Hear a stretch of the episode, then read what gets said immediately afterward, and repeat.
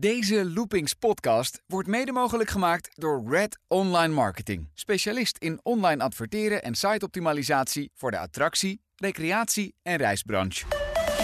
Dus je moet naar boven toe, dat moet op een spectaculaire manier. Dan moet je boven in ieder geval even kunnen stoppen om van het uitzicht te genieten. En dan moet je op een leuke manier naar beneden gaan. Dus uh, ja, dan kom je toch een beetje in een, in een achtbaan of iets dergelijks. Uh.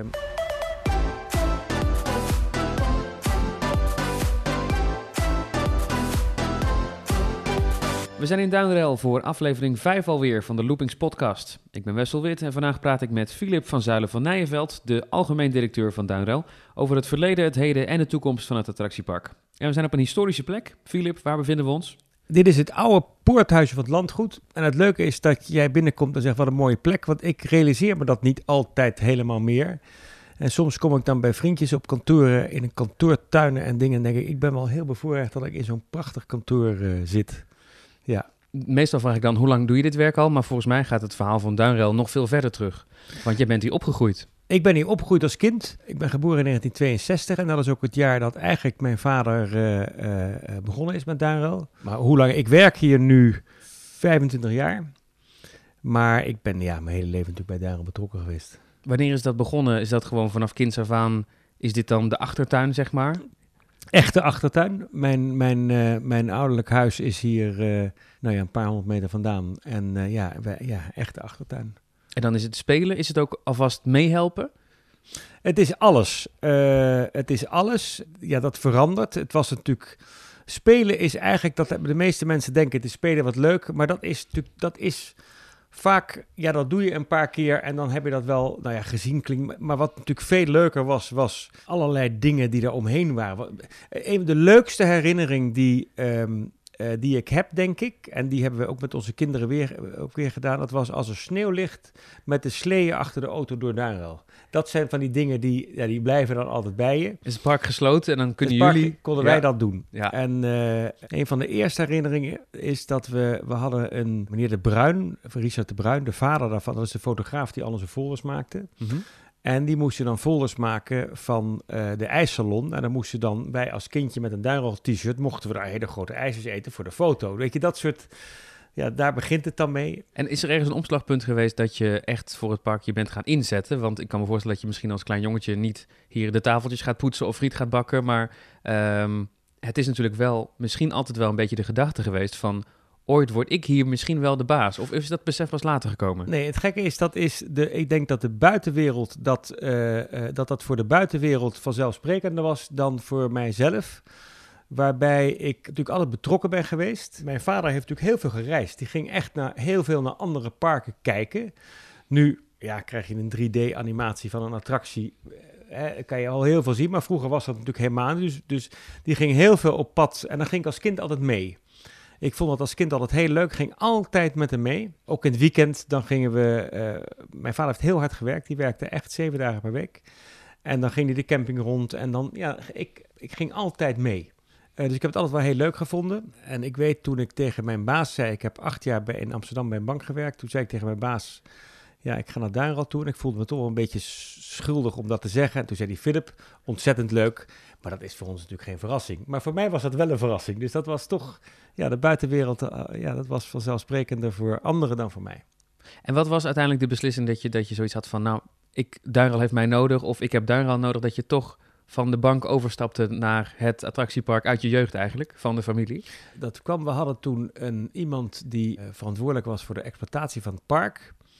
En we liepen natuurlijk altijd heel veel rond. Mijn vader was daar niet heel tevreden over. En dan liepen we samen rond en dan zagen we dingen die niet goed waren, dit en dat en zo. En toen zei hij op een gegeven moment, ik denk dat jij dat goed zou kunnen. En dat was voor mij ja, ik denk ik, oké. Nou, en toen is het balletje eigenlijk gaan rollen en toen, uh, toen ben ik hier naartoe gegaan. En daarvoor hebben we het er nooit... Ik denk dat we het alle, dat we, ja, dat we het alle twee misschien wel vanzelfsprekend vonden, maar ja, het moment kwam toen. En toen ben ik hier uh, vrij snel komen werken. En nooit meer weggegaan? Nooit meer weggegaan. Ik ben misschien één of twee keer met tegenzin naar mijn werk gegaan. Ik ben ook eens een keer niet naar mijn werk gegaan in al die jaren. En dat had dan vaak te maken, want mijn vader was een ongelooflijk leuke vent. Ook best een lastige man. Een ongelooflijk gedreven man. Anders bouw je natuurlijk ook zoiets niet op. ook best wel eigenwijs. En wij konden botsen. En dan zaten we hier aan tafel in deze kamer, dat was zijn kantoor. En dan konden we echt slaande ruzie maken. En dan gingen we lunchen bij mijn moeder, wat die 100 meter ver is. En dat was een andere setting. Dan, hadden we, dan waren we bij de lunch en niet op kantoor. Dan hadden we ook... En ik weet dat ik één keer ben ik niet gegaan. Ik weet niet waar het over ging. Maar toen ben ik, ik zei, nou dan ga ik een dag gewoon niet. En, uh, dat echt ruzie, gewoon echt een botsing over, over het beleid dan waarschijnlijk. Ja, ik weet niet waar het over was, maar het waren natuurlijk, ik bedoel, we, het is natuurlijk, Daarom is natuurlijk zo'n familiebedrijf, daar zit natuurlijk ontzettend veel passie in, daar zit ontzettend veel betrokkenheid. En passie is natuurlijk mooi, maar passie kan natuurlijk ook best wel botsen. Ik weet niet eens waar het over ging, het waren vast nooit grote dingen, maar dan was het zo, ja. En toen dit, en dan hou je natuurlijk van alles bij. En ik weet al precies dat ik toen een dag thuis bleef. En ik denk, nou, kijk of je merkt dat ik nou eens een keer niet kom. Heerlijk in de tuin gewerkt. Dan had ik niet eens in de gaten dat ik er niet was.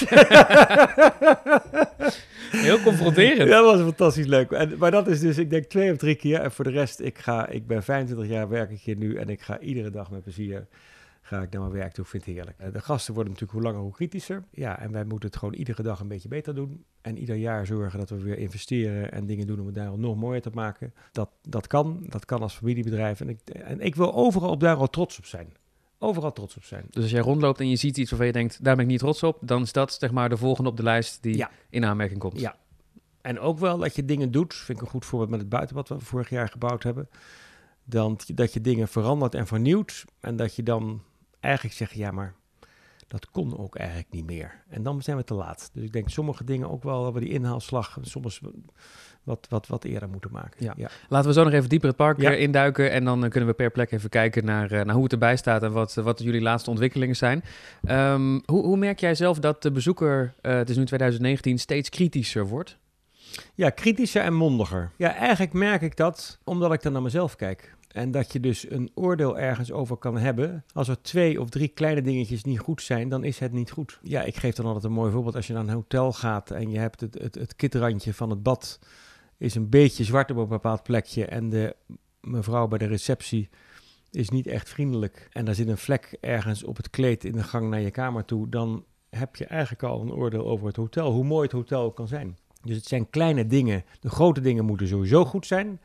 En uh, de kleine dingen moeten ook goed voor elkaar zijn. En ik denk dat het allerbelangrijkste is of mensen echt aardig en, ja, en echt zijn tegen je. En dat is iets wat... De medewerkers dan in dit geval. Ja. En ik denk ook dat de tijd van have a nice day, how are you doing, et cetera, het riedeltje wat iedereen afloopt, dat is het ook niet meer. Het gaat om echt... Oprechte interesse. Oprechte interesse. En dat, uh, ja, dat is een uitdaging.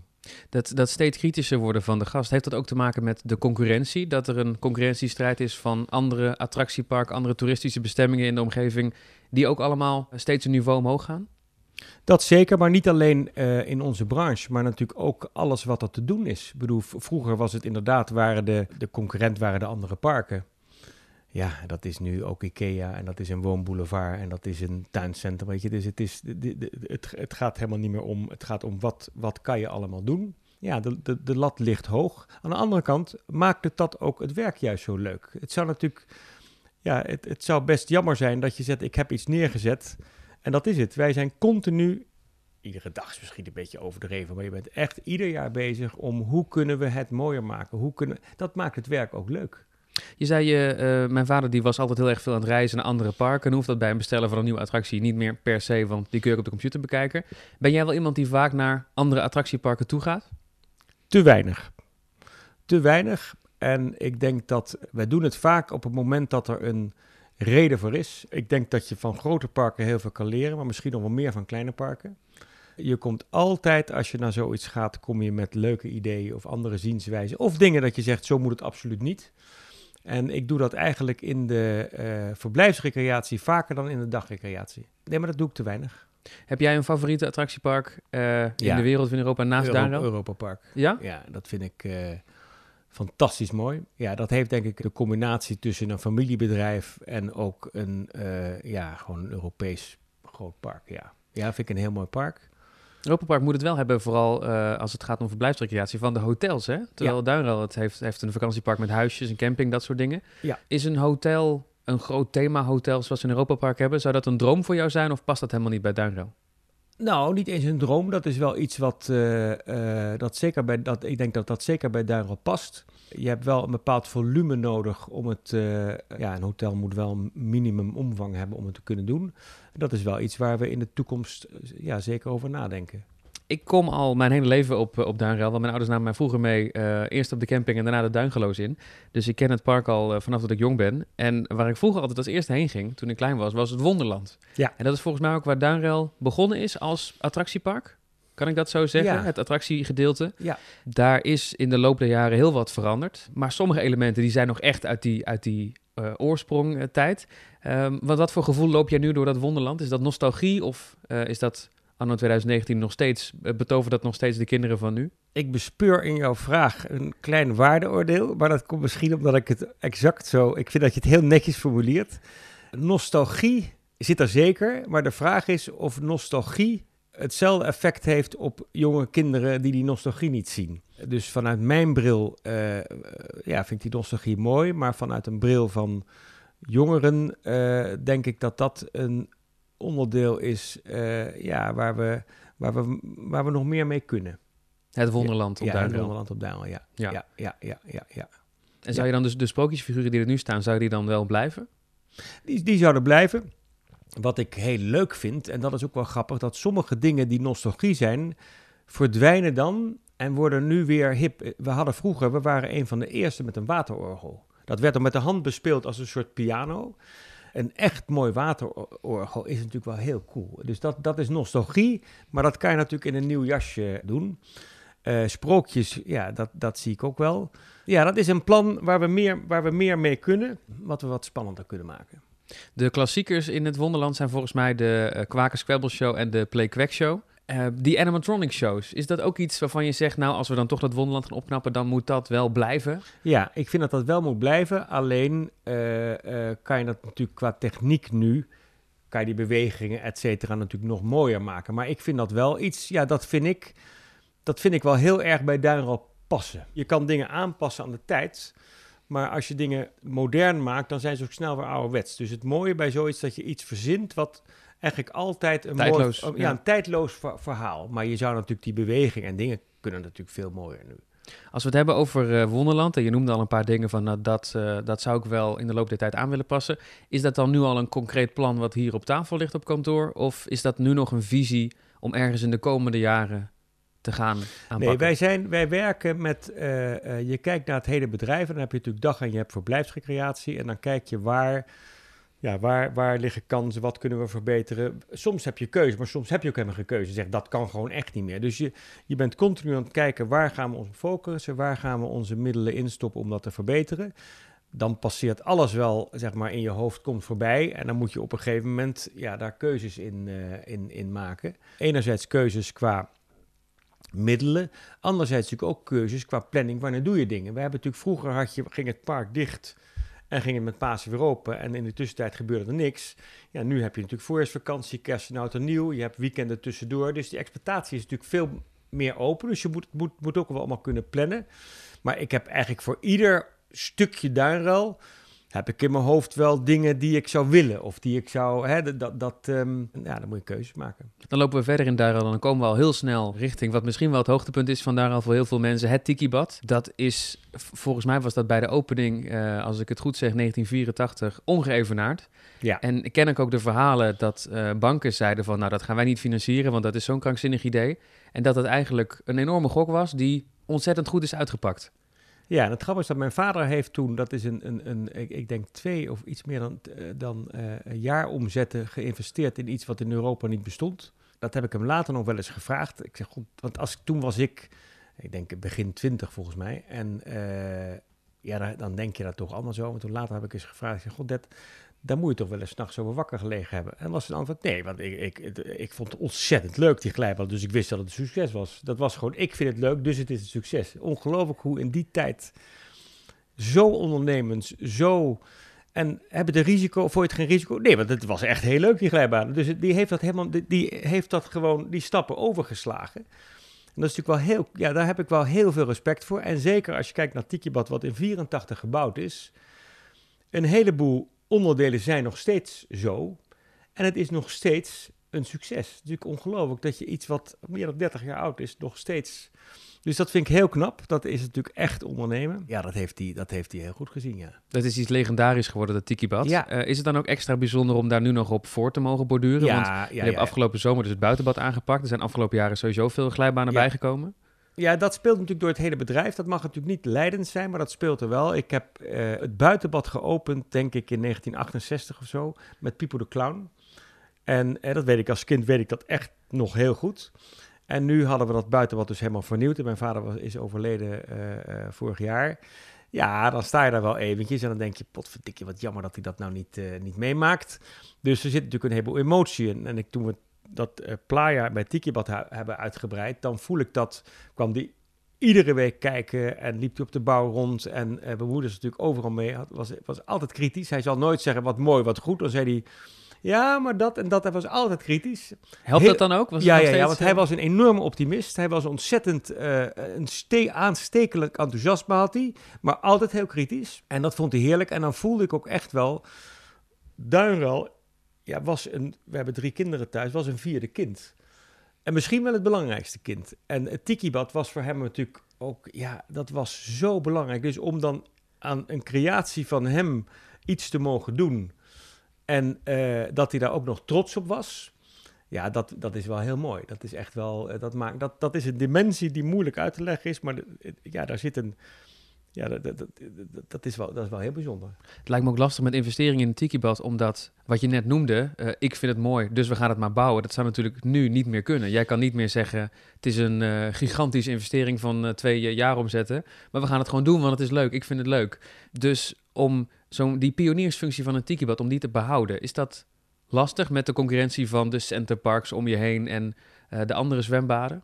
Ja, het grappige is dat je toch, de pioniersfunctie is natuurlijk minder. Aan de andere kant is er wel een bepaald gevoel wat je ergens over hebt. We, doen nog best wel veel uit de heup, om het maar zo te zeggen. Het is niet zo, niet zo extreem als toen, maar we doen wel heel veel op gevoel. Tikibad hebben we natuurlijk een, een, eh, een duidelijke verandering. Want met Playa was ook om de doelgroep, om dus ook voor de jongeren eh, eh, wat te doen. Ja, dat, dat is nooit dat we nou een soort strategy meeting hadden en dat we daarop uitkomen. Nee, dat groeit dan zo langzaam. Ideeën kunnen in drie minuten verzonnen zijn door een aantal mensen. Dat is ook typerend voor een familiebedrijf, denk Ja. ik. Dat er geen hele managementlaag is die onderzoeken uitvoert, maar dat Nee. jullie zelf een gevoel hebben bij dit is er nu nodig. Ja. En dat werkt kennelijk nog Ja, steeds. en als we een onderzoek zouden uitvoeren en we zijn het er niet mee eens, dan is het een slecht onderzoek. Precies, dus het is een ja. beetje, ja. Ja. Tik- Tikibad is ook water en volgens mij is water is duinrel. Eh, Ja. Er is ook een periode geweest dat er eh, heel veel waterattracties bij kwamen in het park. Daar staat het park ook op bekend. Is dat bij jou ook nog leidend bij het kiezen van, van uitbreidingen of is dat ehm, niet per se meer nodig om te focussen op dat water? Nee, dat is denk ik niet, een, eh, dat is niet iets waar je, waar je mee begint. Maar dat is wel iets ja, wat bij thematisering of dat soort dingen dan wel weer mee speelt. Eh, dat heeft niet zozeer te maken duinruil, bron in de duinruil, hè, du- eh, water. Dat heeft meer te maken dat het ook iets is wat... Ja, daar was mijn vader altijd mee bezig. Dus het zal altijd, het zal altijd eventjes de revue passeren. Van god, moeten we daar niet even aan denken? Zou dat leuk zijn? Dat is denk ik meer zo. Waar let jij nu het meest op als je een nieuwe attractie zou moeten uitzoeken voor duinrel? Doelgroep, onderhoud. Hoe kunnen we het zo thematiseren dat we het, dat het, dat we het wel eigen maken? Ja, is het een evergreen? Is het iets wat, wat, wat je denkt dat, dat, ja, dat altijd leuk gaat blijven? Past het in Duinrel? En dan heb ik het ook over natuur en dat soort zaken. Ja, en vind ik het zelf leuk? Dat speelt natuurlijk toch wel mee. En als we zo deze lijst hebben, is er dan iets wat nu op jouw verlanglijstje bovenaan staat? Denk, ja, ik denk zou, je echt als... Ja, als ik eh, zou heel graag willen, waar wij natuurlijk uniek in zijn, is, eh, we zitten midden in de Randstad. Als je de lucht in gaat en je, zeg maar, je bent hier eh 50 meter hoog, dan heb je een uniek uitzicht in Nederland. Je ziet de kust, je ziet Den Haag, je ziet, je hebt een, je ziet Rotterdam. Dus ik denk, ik zou wel iets willen doen om de, eh, ja, of het hoogteverschil, natuurlijk hoogteverschil wat we hebben, of een uitzichtfunctie die hier echt heel mooi is. Dat is wel iets wat ik, eh, ja, dat, dat is een uniek punt van Duirel. Dat kunnen we verder, dat zouden we wat zichtbaarder kunnen maken. Ja, want er is nu wel de uitkijktoren waar je Ja. lopend op kunt eh, op het hoogste Ja. punt. Ja. Helemaal bovenaan bij de Rodelbaan.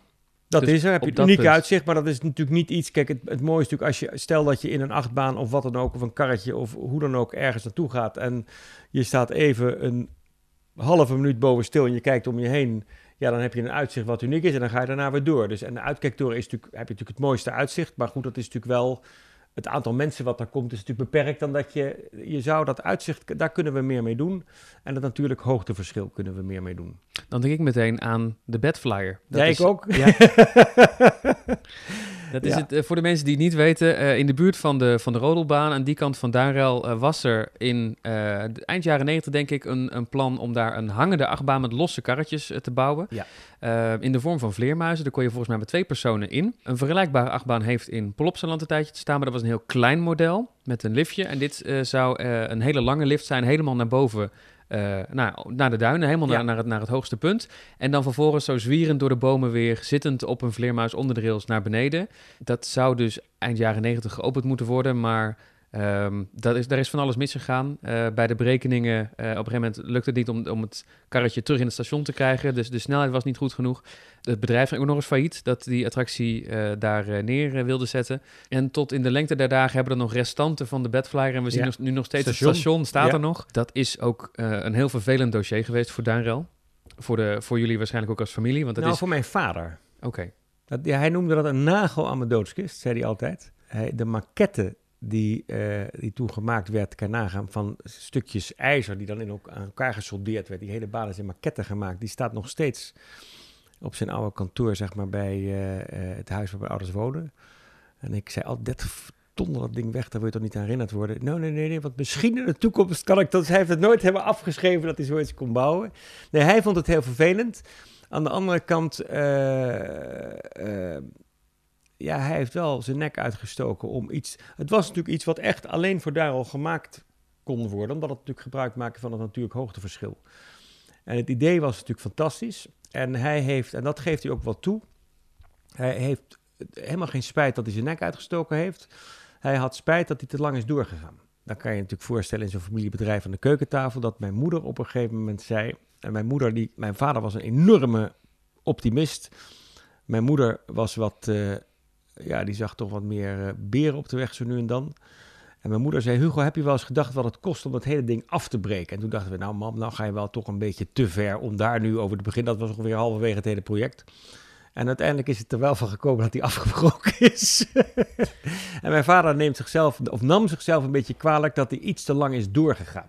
Maar toen zei hij, ik wilde het zo graag en ik vond het moeilijk om dan toch ja, en, en uh, daar is iets te lang mee doorgegaan. En dat doorgaan is dat dan dat de andere bedrijven zijn bijgehaald van probeer het maar op te lossen? Ja, en dan natuurlijk ook dat bedrijf was op een gegeven moment uh, uh, ging dat financieel kon dat niet, dus dan moest er weer wat betaald worden, want anders dan zou dat misgaan. En dat heeft hij daar is hij iets lang in doorgegaan. Maar goed, weet je, aan de andere kant heeft hij er, wel, heeft hij er ontzettend voor gevochten om, om dat stuk Duinrel, om dat in het bestemmingsplan te bestemmen als, uh, als attractiepark. Omdat hij daarvan natuurlijk hoogteverschil gebruik kon maken.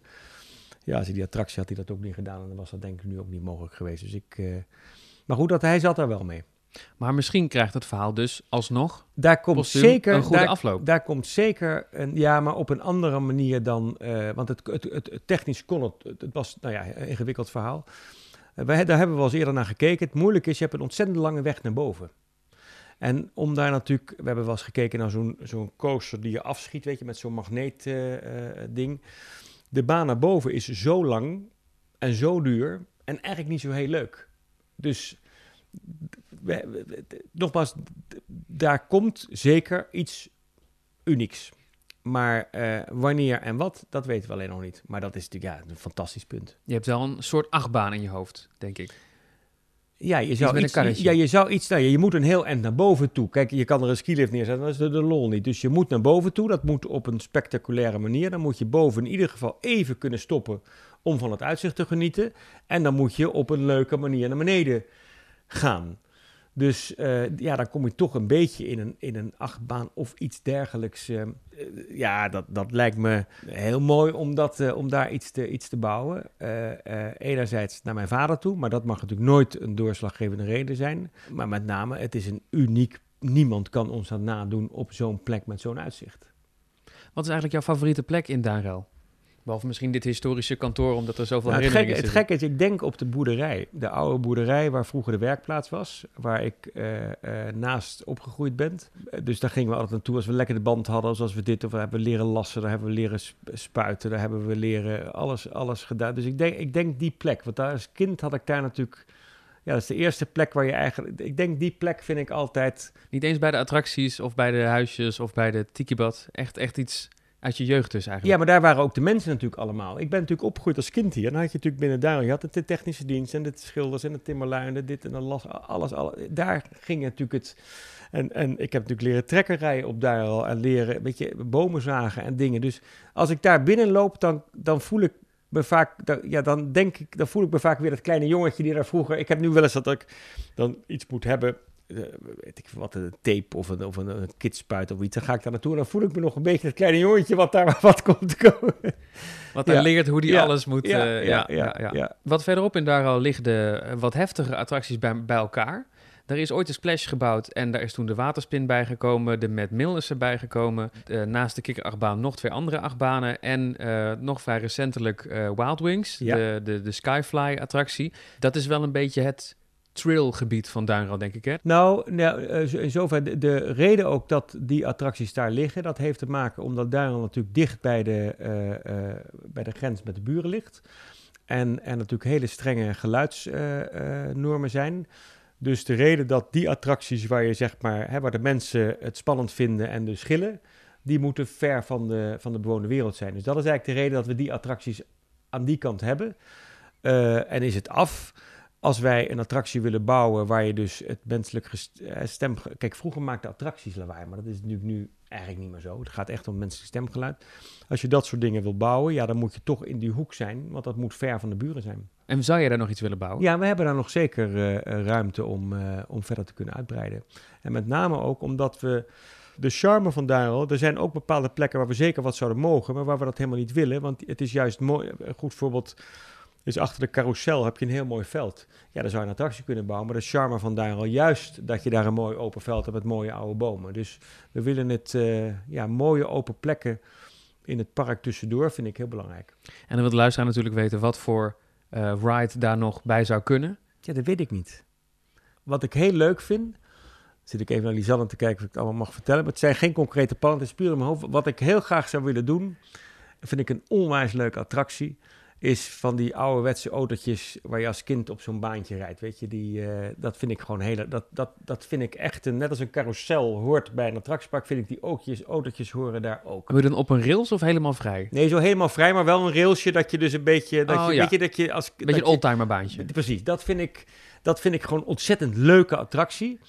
En dat zijn natuurlijk vaak niet attracties die je, ja, die, die je bouwt echt als attractie. Maar dat is een, als je die ergens neerzet, dan moet je wel heel goed het gebied waar je het neerzet ingevuld hebben. Dat je niet straks zoiets neerzet en dan op die plek iets anders wil. Dus het is een beetje, dan- moet je beginnen met waar komt iets spectaculairs. En hoe gaan we dan die ruimte daar omheen invullen? En zo'n invulling vind ik zo'n autobaantje. Dat moet gewoon een keer, dat moet er een keer komen. Vind ik een ontzettend leuk ding. Een beetje nostalgie.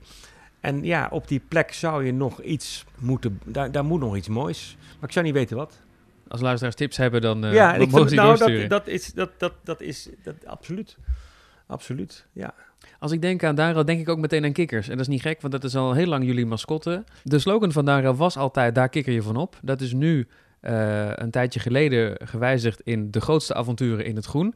Ja, de kikker. En het grappige was toen, eh eh, daarom daar kikker je van op, eh, toen dat wegging. Toen mijn moeder kwam erachter en die was helemaal verbaasd. God, Philip, hoe kan dat nou? Dit en dat. Ik zei, ja mam, dat, dat, dat doen we nu toch anders. Dus die is inderdaad, die is er niet meer. Het groen, daar hebben we ons toen ook gefocust. Wat ook, dat is ook wel heel uniek op Duinrel. Dat is natuurlijk echt heel mooi, alles tussen het groen. Ja, en voor mij betekent dat, die hele kikker, en daar kikker je van op. Dat kwam omdat het hele kantoor hier was ook een gekkenhuis. Mijn vader had honden en die nam die mee naar kantoor. En dan kregen die honden een nestje en dan had je heel vaak een secretaresse of iemand anders die dan ook een puppy namen. Maar die namen dan ook die puppy mee naar kantoor. Dus het was hier vol met honden. Want Als je er nu over nadenkt, eigenlijk... eh, Toch dat het een kikker geworden is, als je dat zo hoort. Ja. Nee, en toen hadden ze, hadden ze secretaresse. Je had zo'n zo'n voorkant van zo'n tonnetje met zo'n kraantje eraan. Was uit reclame. Ja. En daar hadden technische dienst in een kast daarachter een vaatje sherry gemaakt met een slangetje. En als je dat tonnetje opende, kwam er sherry uit. En de secretaresse had dat. En mijn vader dronk, die heeft in het Verre Oosten gewerkt.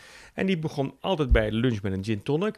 En als de vijf in de klok was, begon hij met een borrel. Op kantoor altijd. Dat was, ja, er werden sigaren gerookt hier en er werden borrels gedronken van. Kan je natuurlijk nu, nu niet meer voorstellen.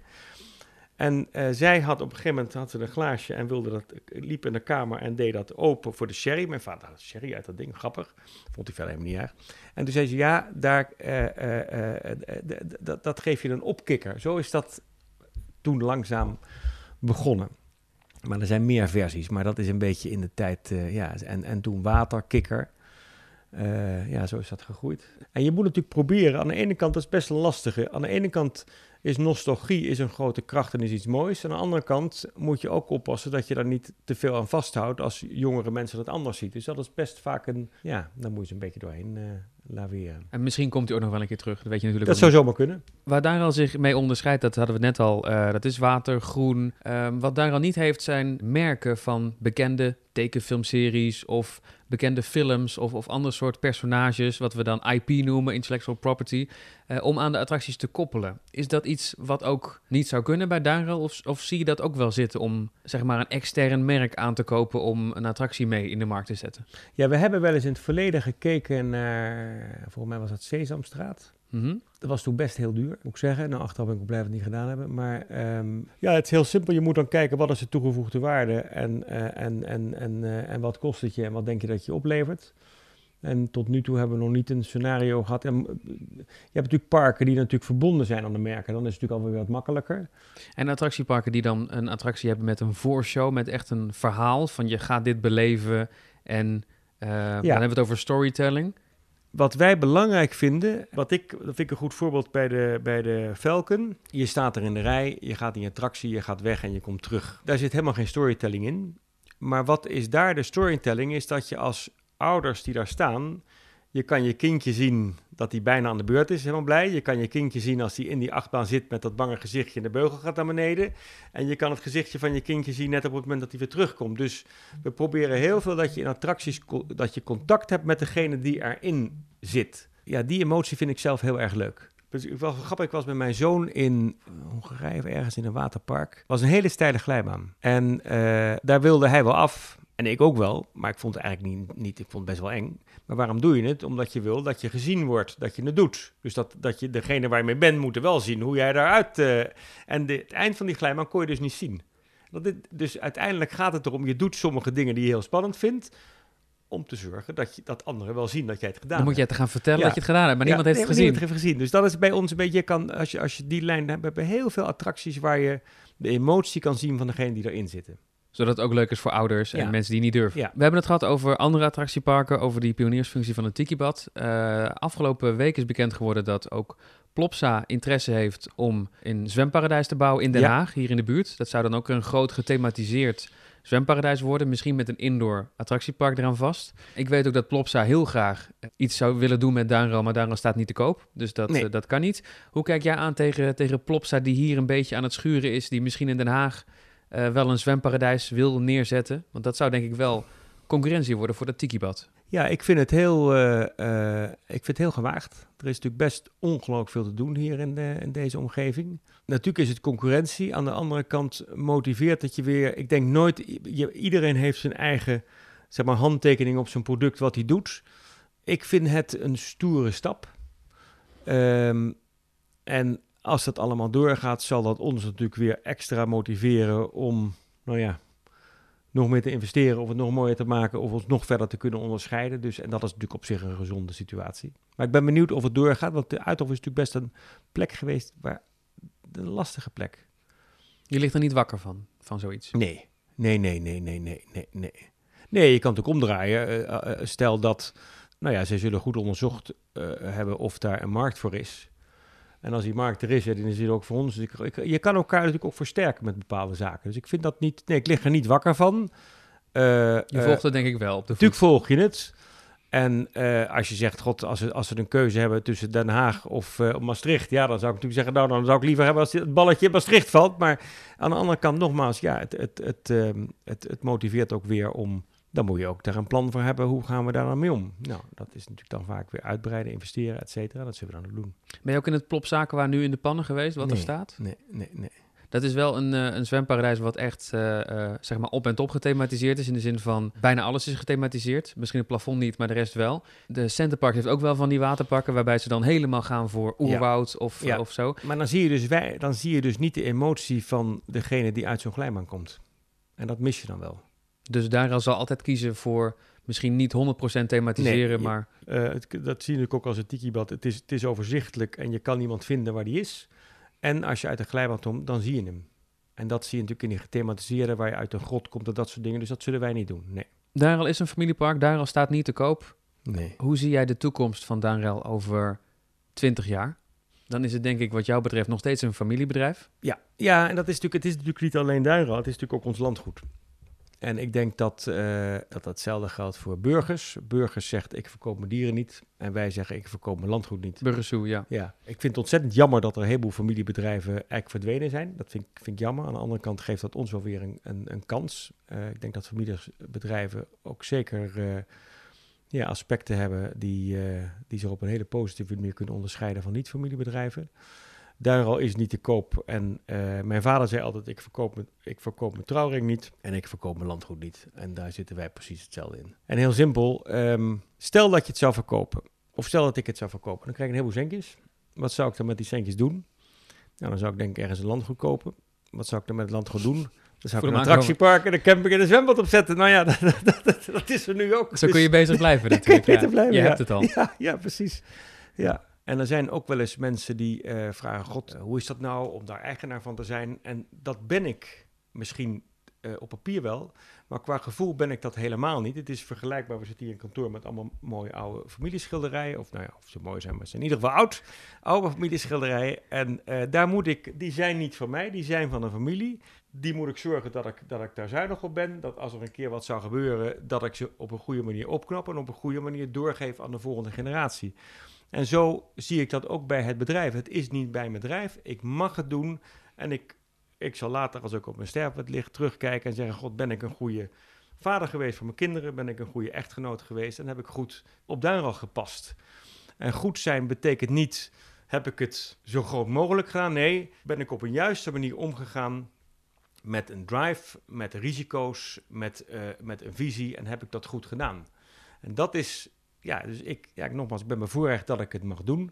En uh, uh, dat is ook de reden dat mensen, dat ik ook heel stellig kan zijn, is daarom te koop. Dit is nooit te koop, want het is, uh, ik, die familieschilderijen zijn ook niet te koop. Die moet ik goed beheren en doorgeven. En zo zie ik dat ook bij Duinland. En van die mega-investeringen, zoals dat vroeger wel eens was, met kantje boord of een groot succes of failliet. Um, nee, als je dat natuurlijk zou doen. De, mijn vader heeft dat toen met een tikibad gedaan. Maar dat was natuurlijk echt. Die was, dat, was een, in, dat was in een groeifase van het bedrijf. Dat moest, dat is goed gegaan. Maar ik zou, als ik nu een risico zou nemen. Dat, of zeggen, of het is, het is failliet of het wordt een succes. En ook al wordt het een groot succes, dan zou je toch later terugdenken en zeggen: luister eens, daar heb ik toch wel een heel groot risico genomen. Als het mis was geweest, was het ten koste gegaan van het familiebedrijf. En dat was niet nodig geweest. Dus dat, um, ja, zo zie, zo zie ik dat. Wens ik je nog veel succes de komende decennia met Duinro. Heel veel dank. Tot zover deze aflevering van de Loopings podcast. Reacties die kunnen naar podcast.loopings.nl. En nieuwe afleveringen verschijnen steeds op de eerste dag van de maand. En die luister je via de verschillende podcast apps, waaronder Spotify. Bedankt voor het luisteren en tot de volgende keer.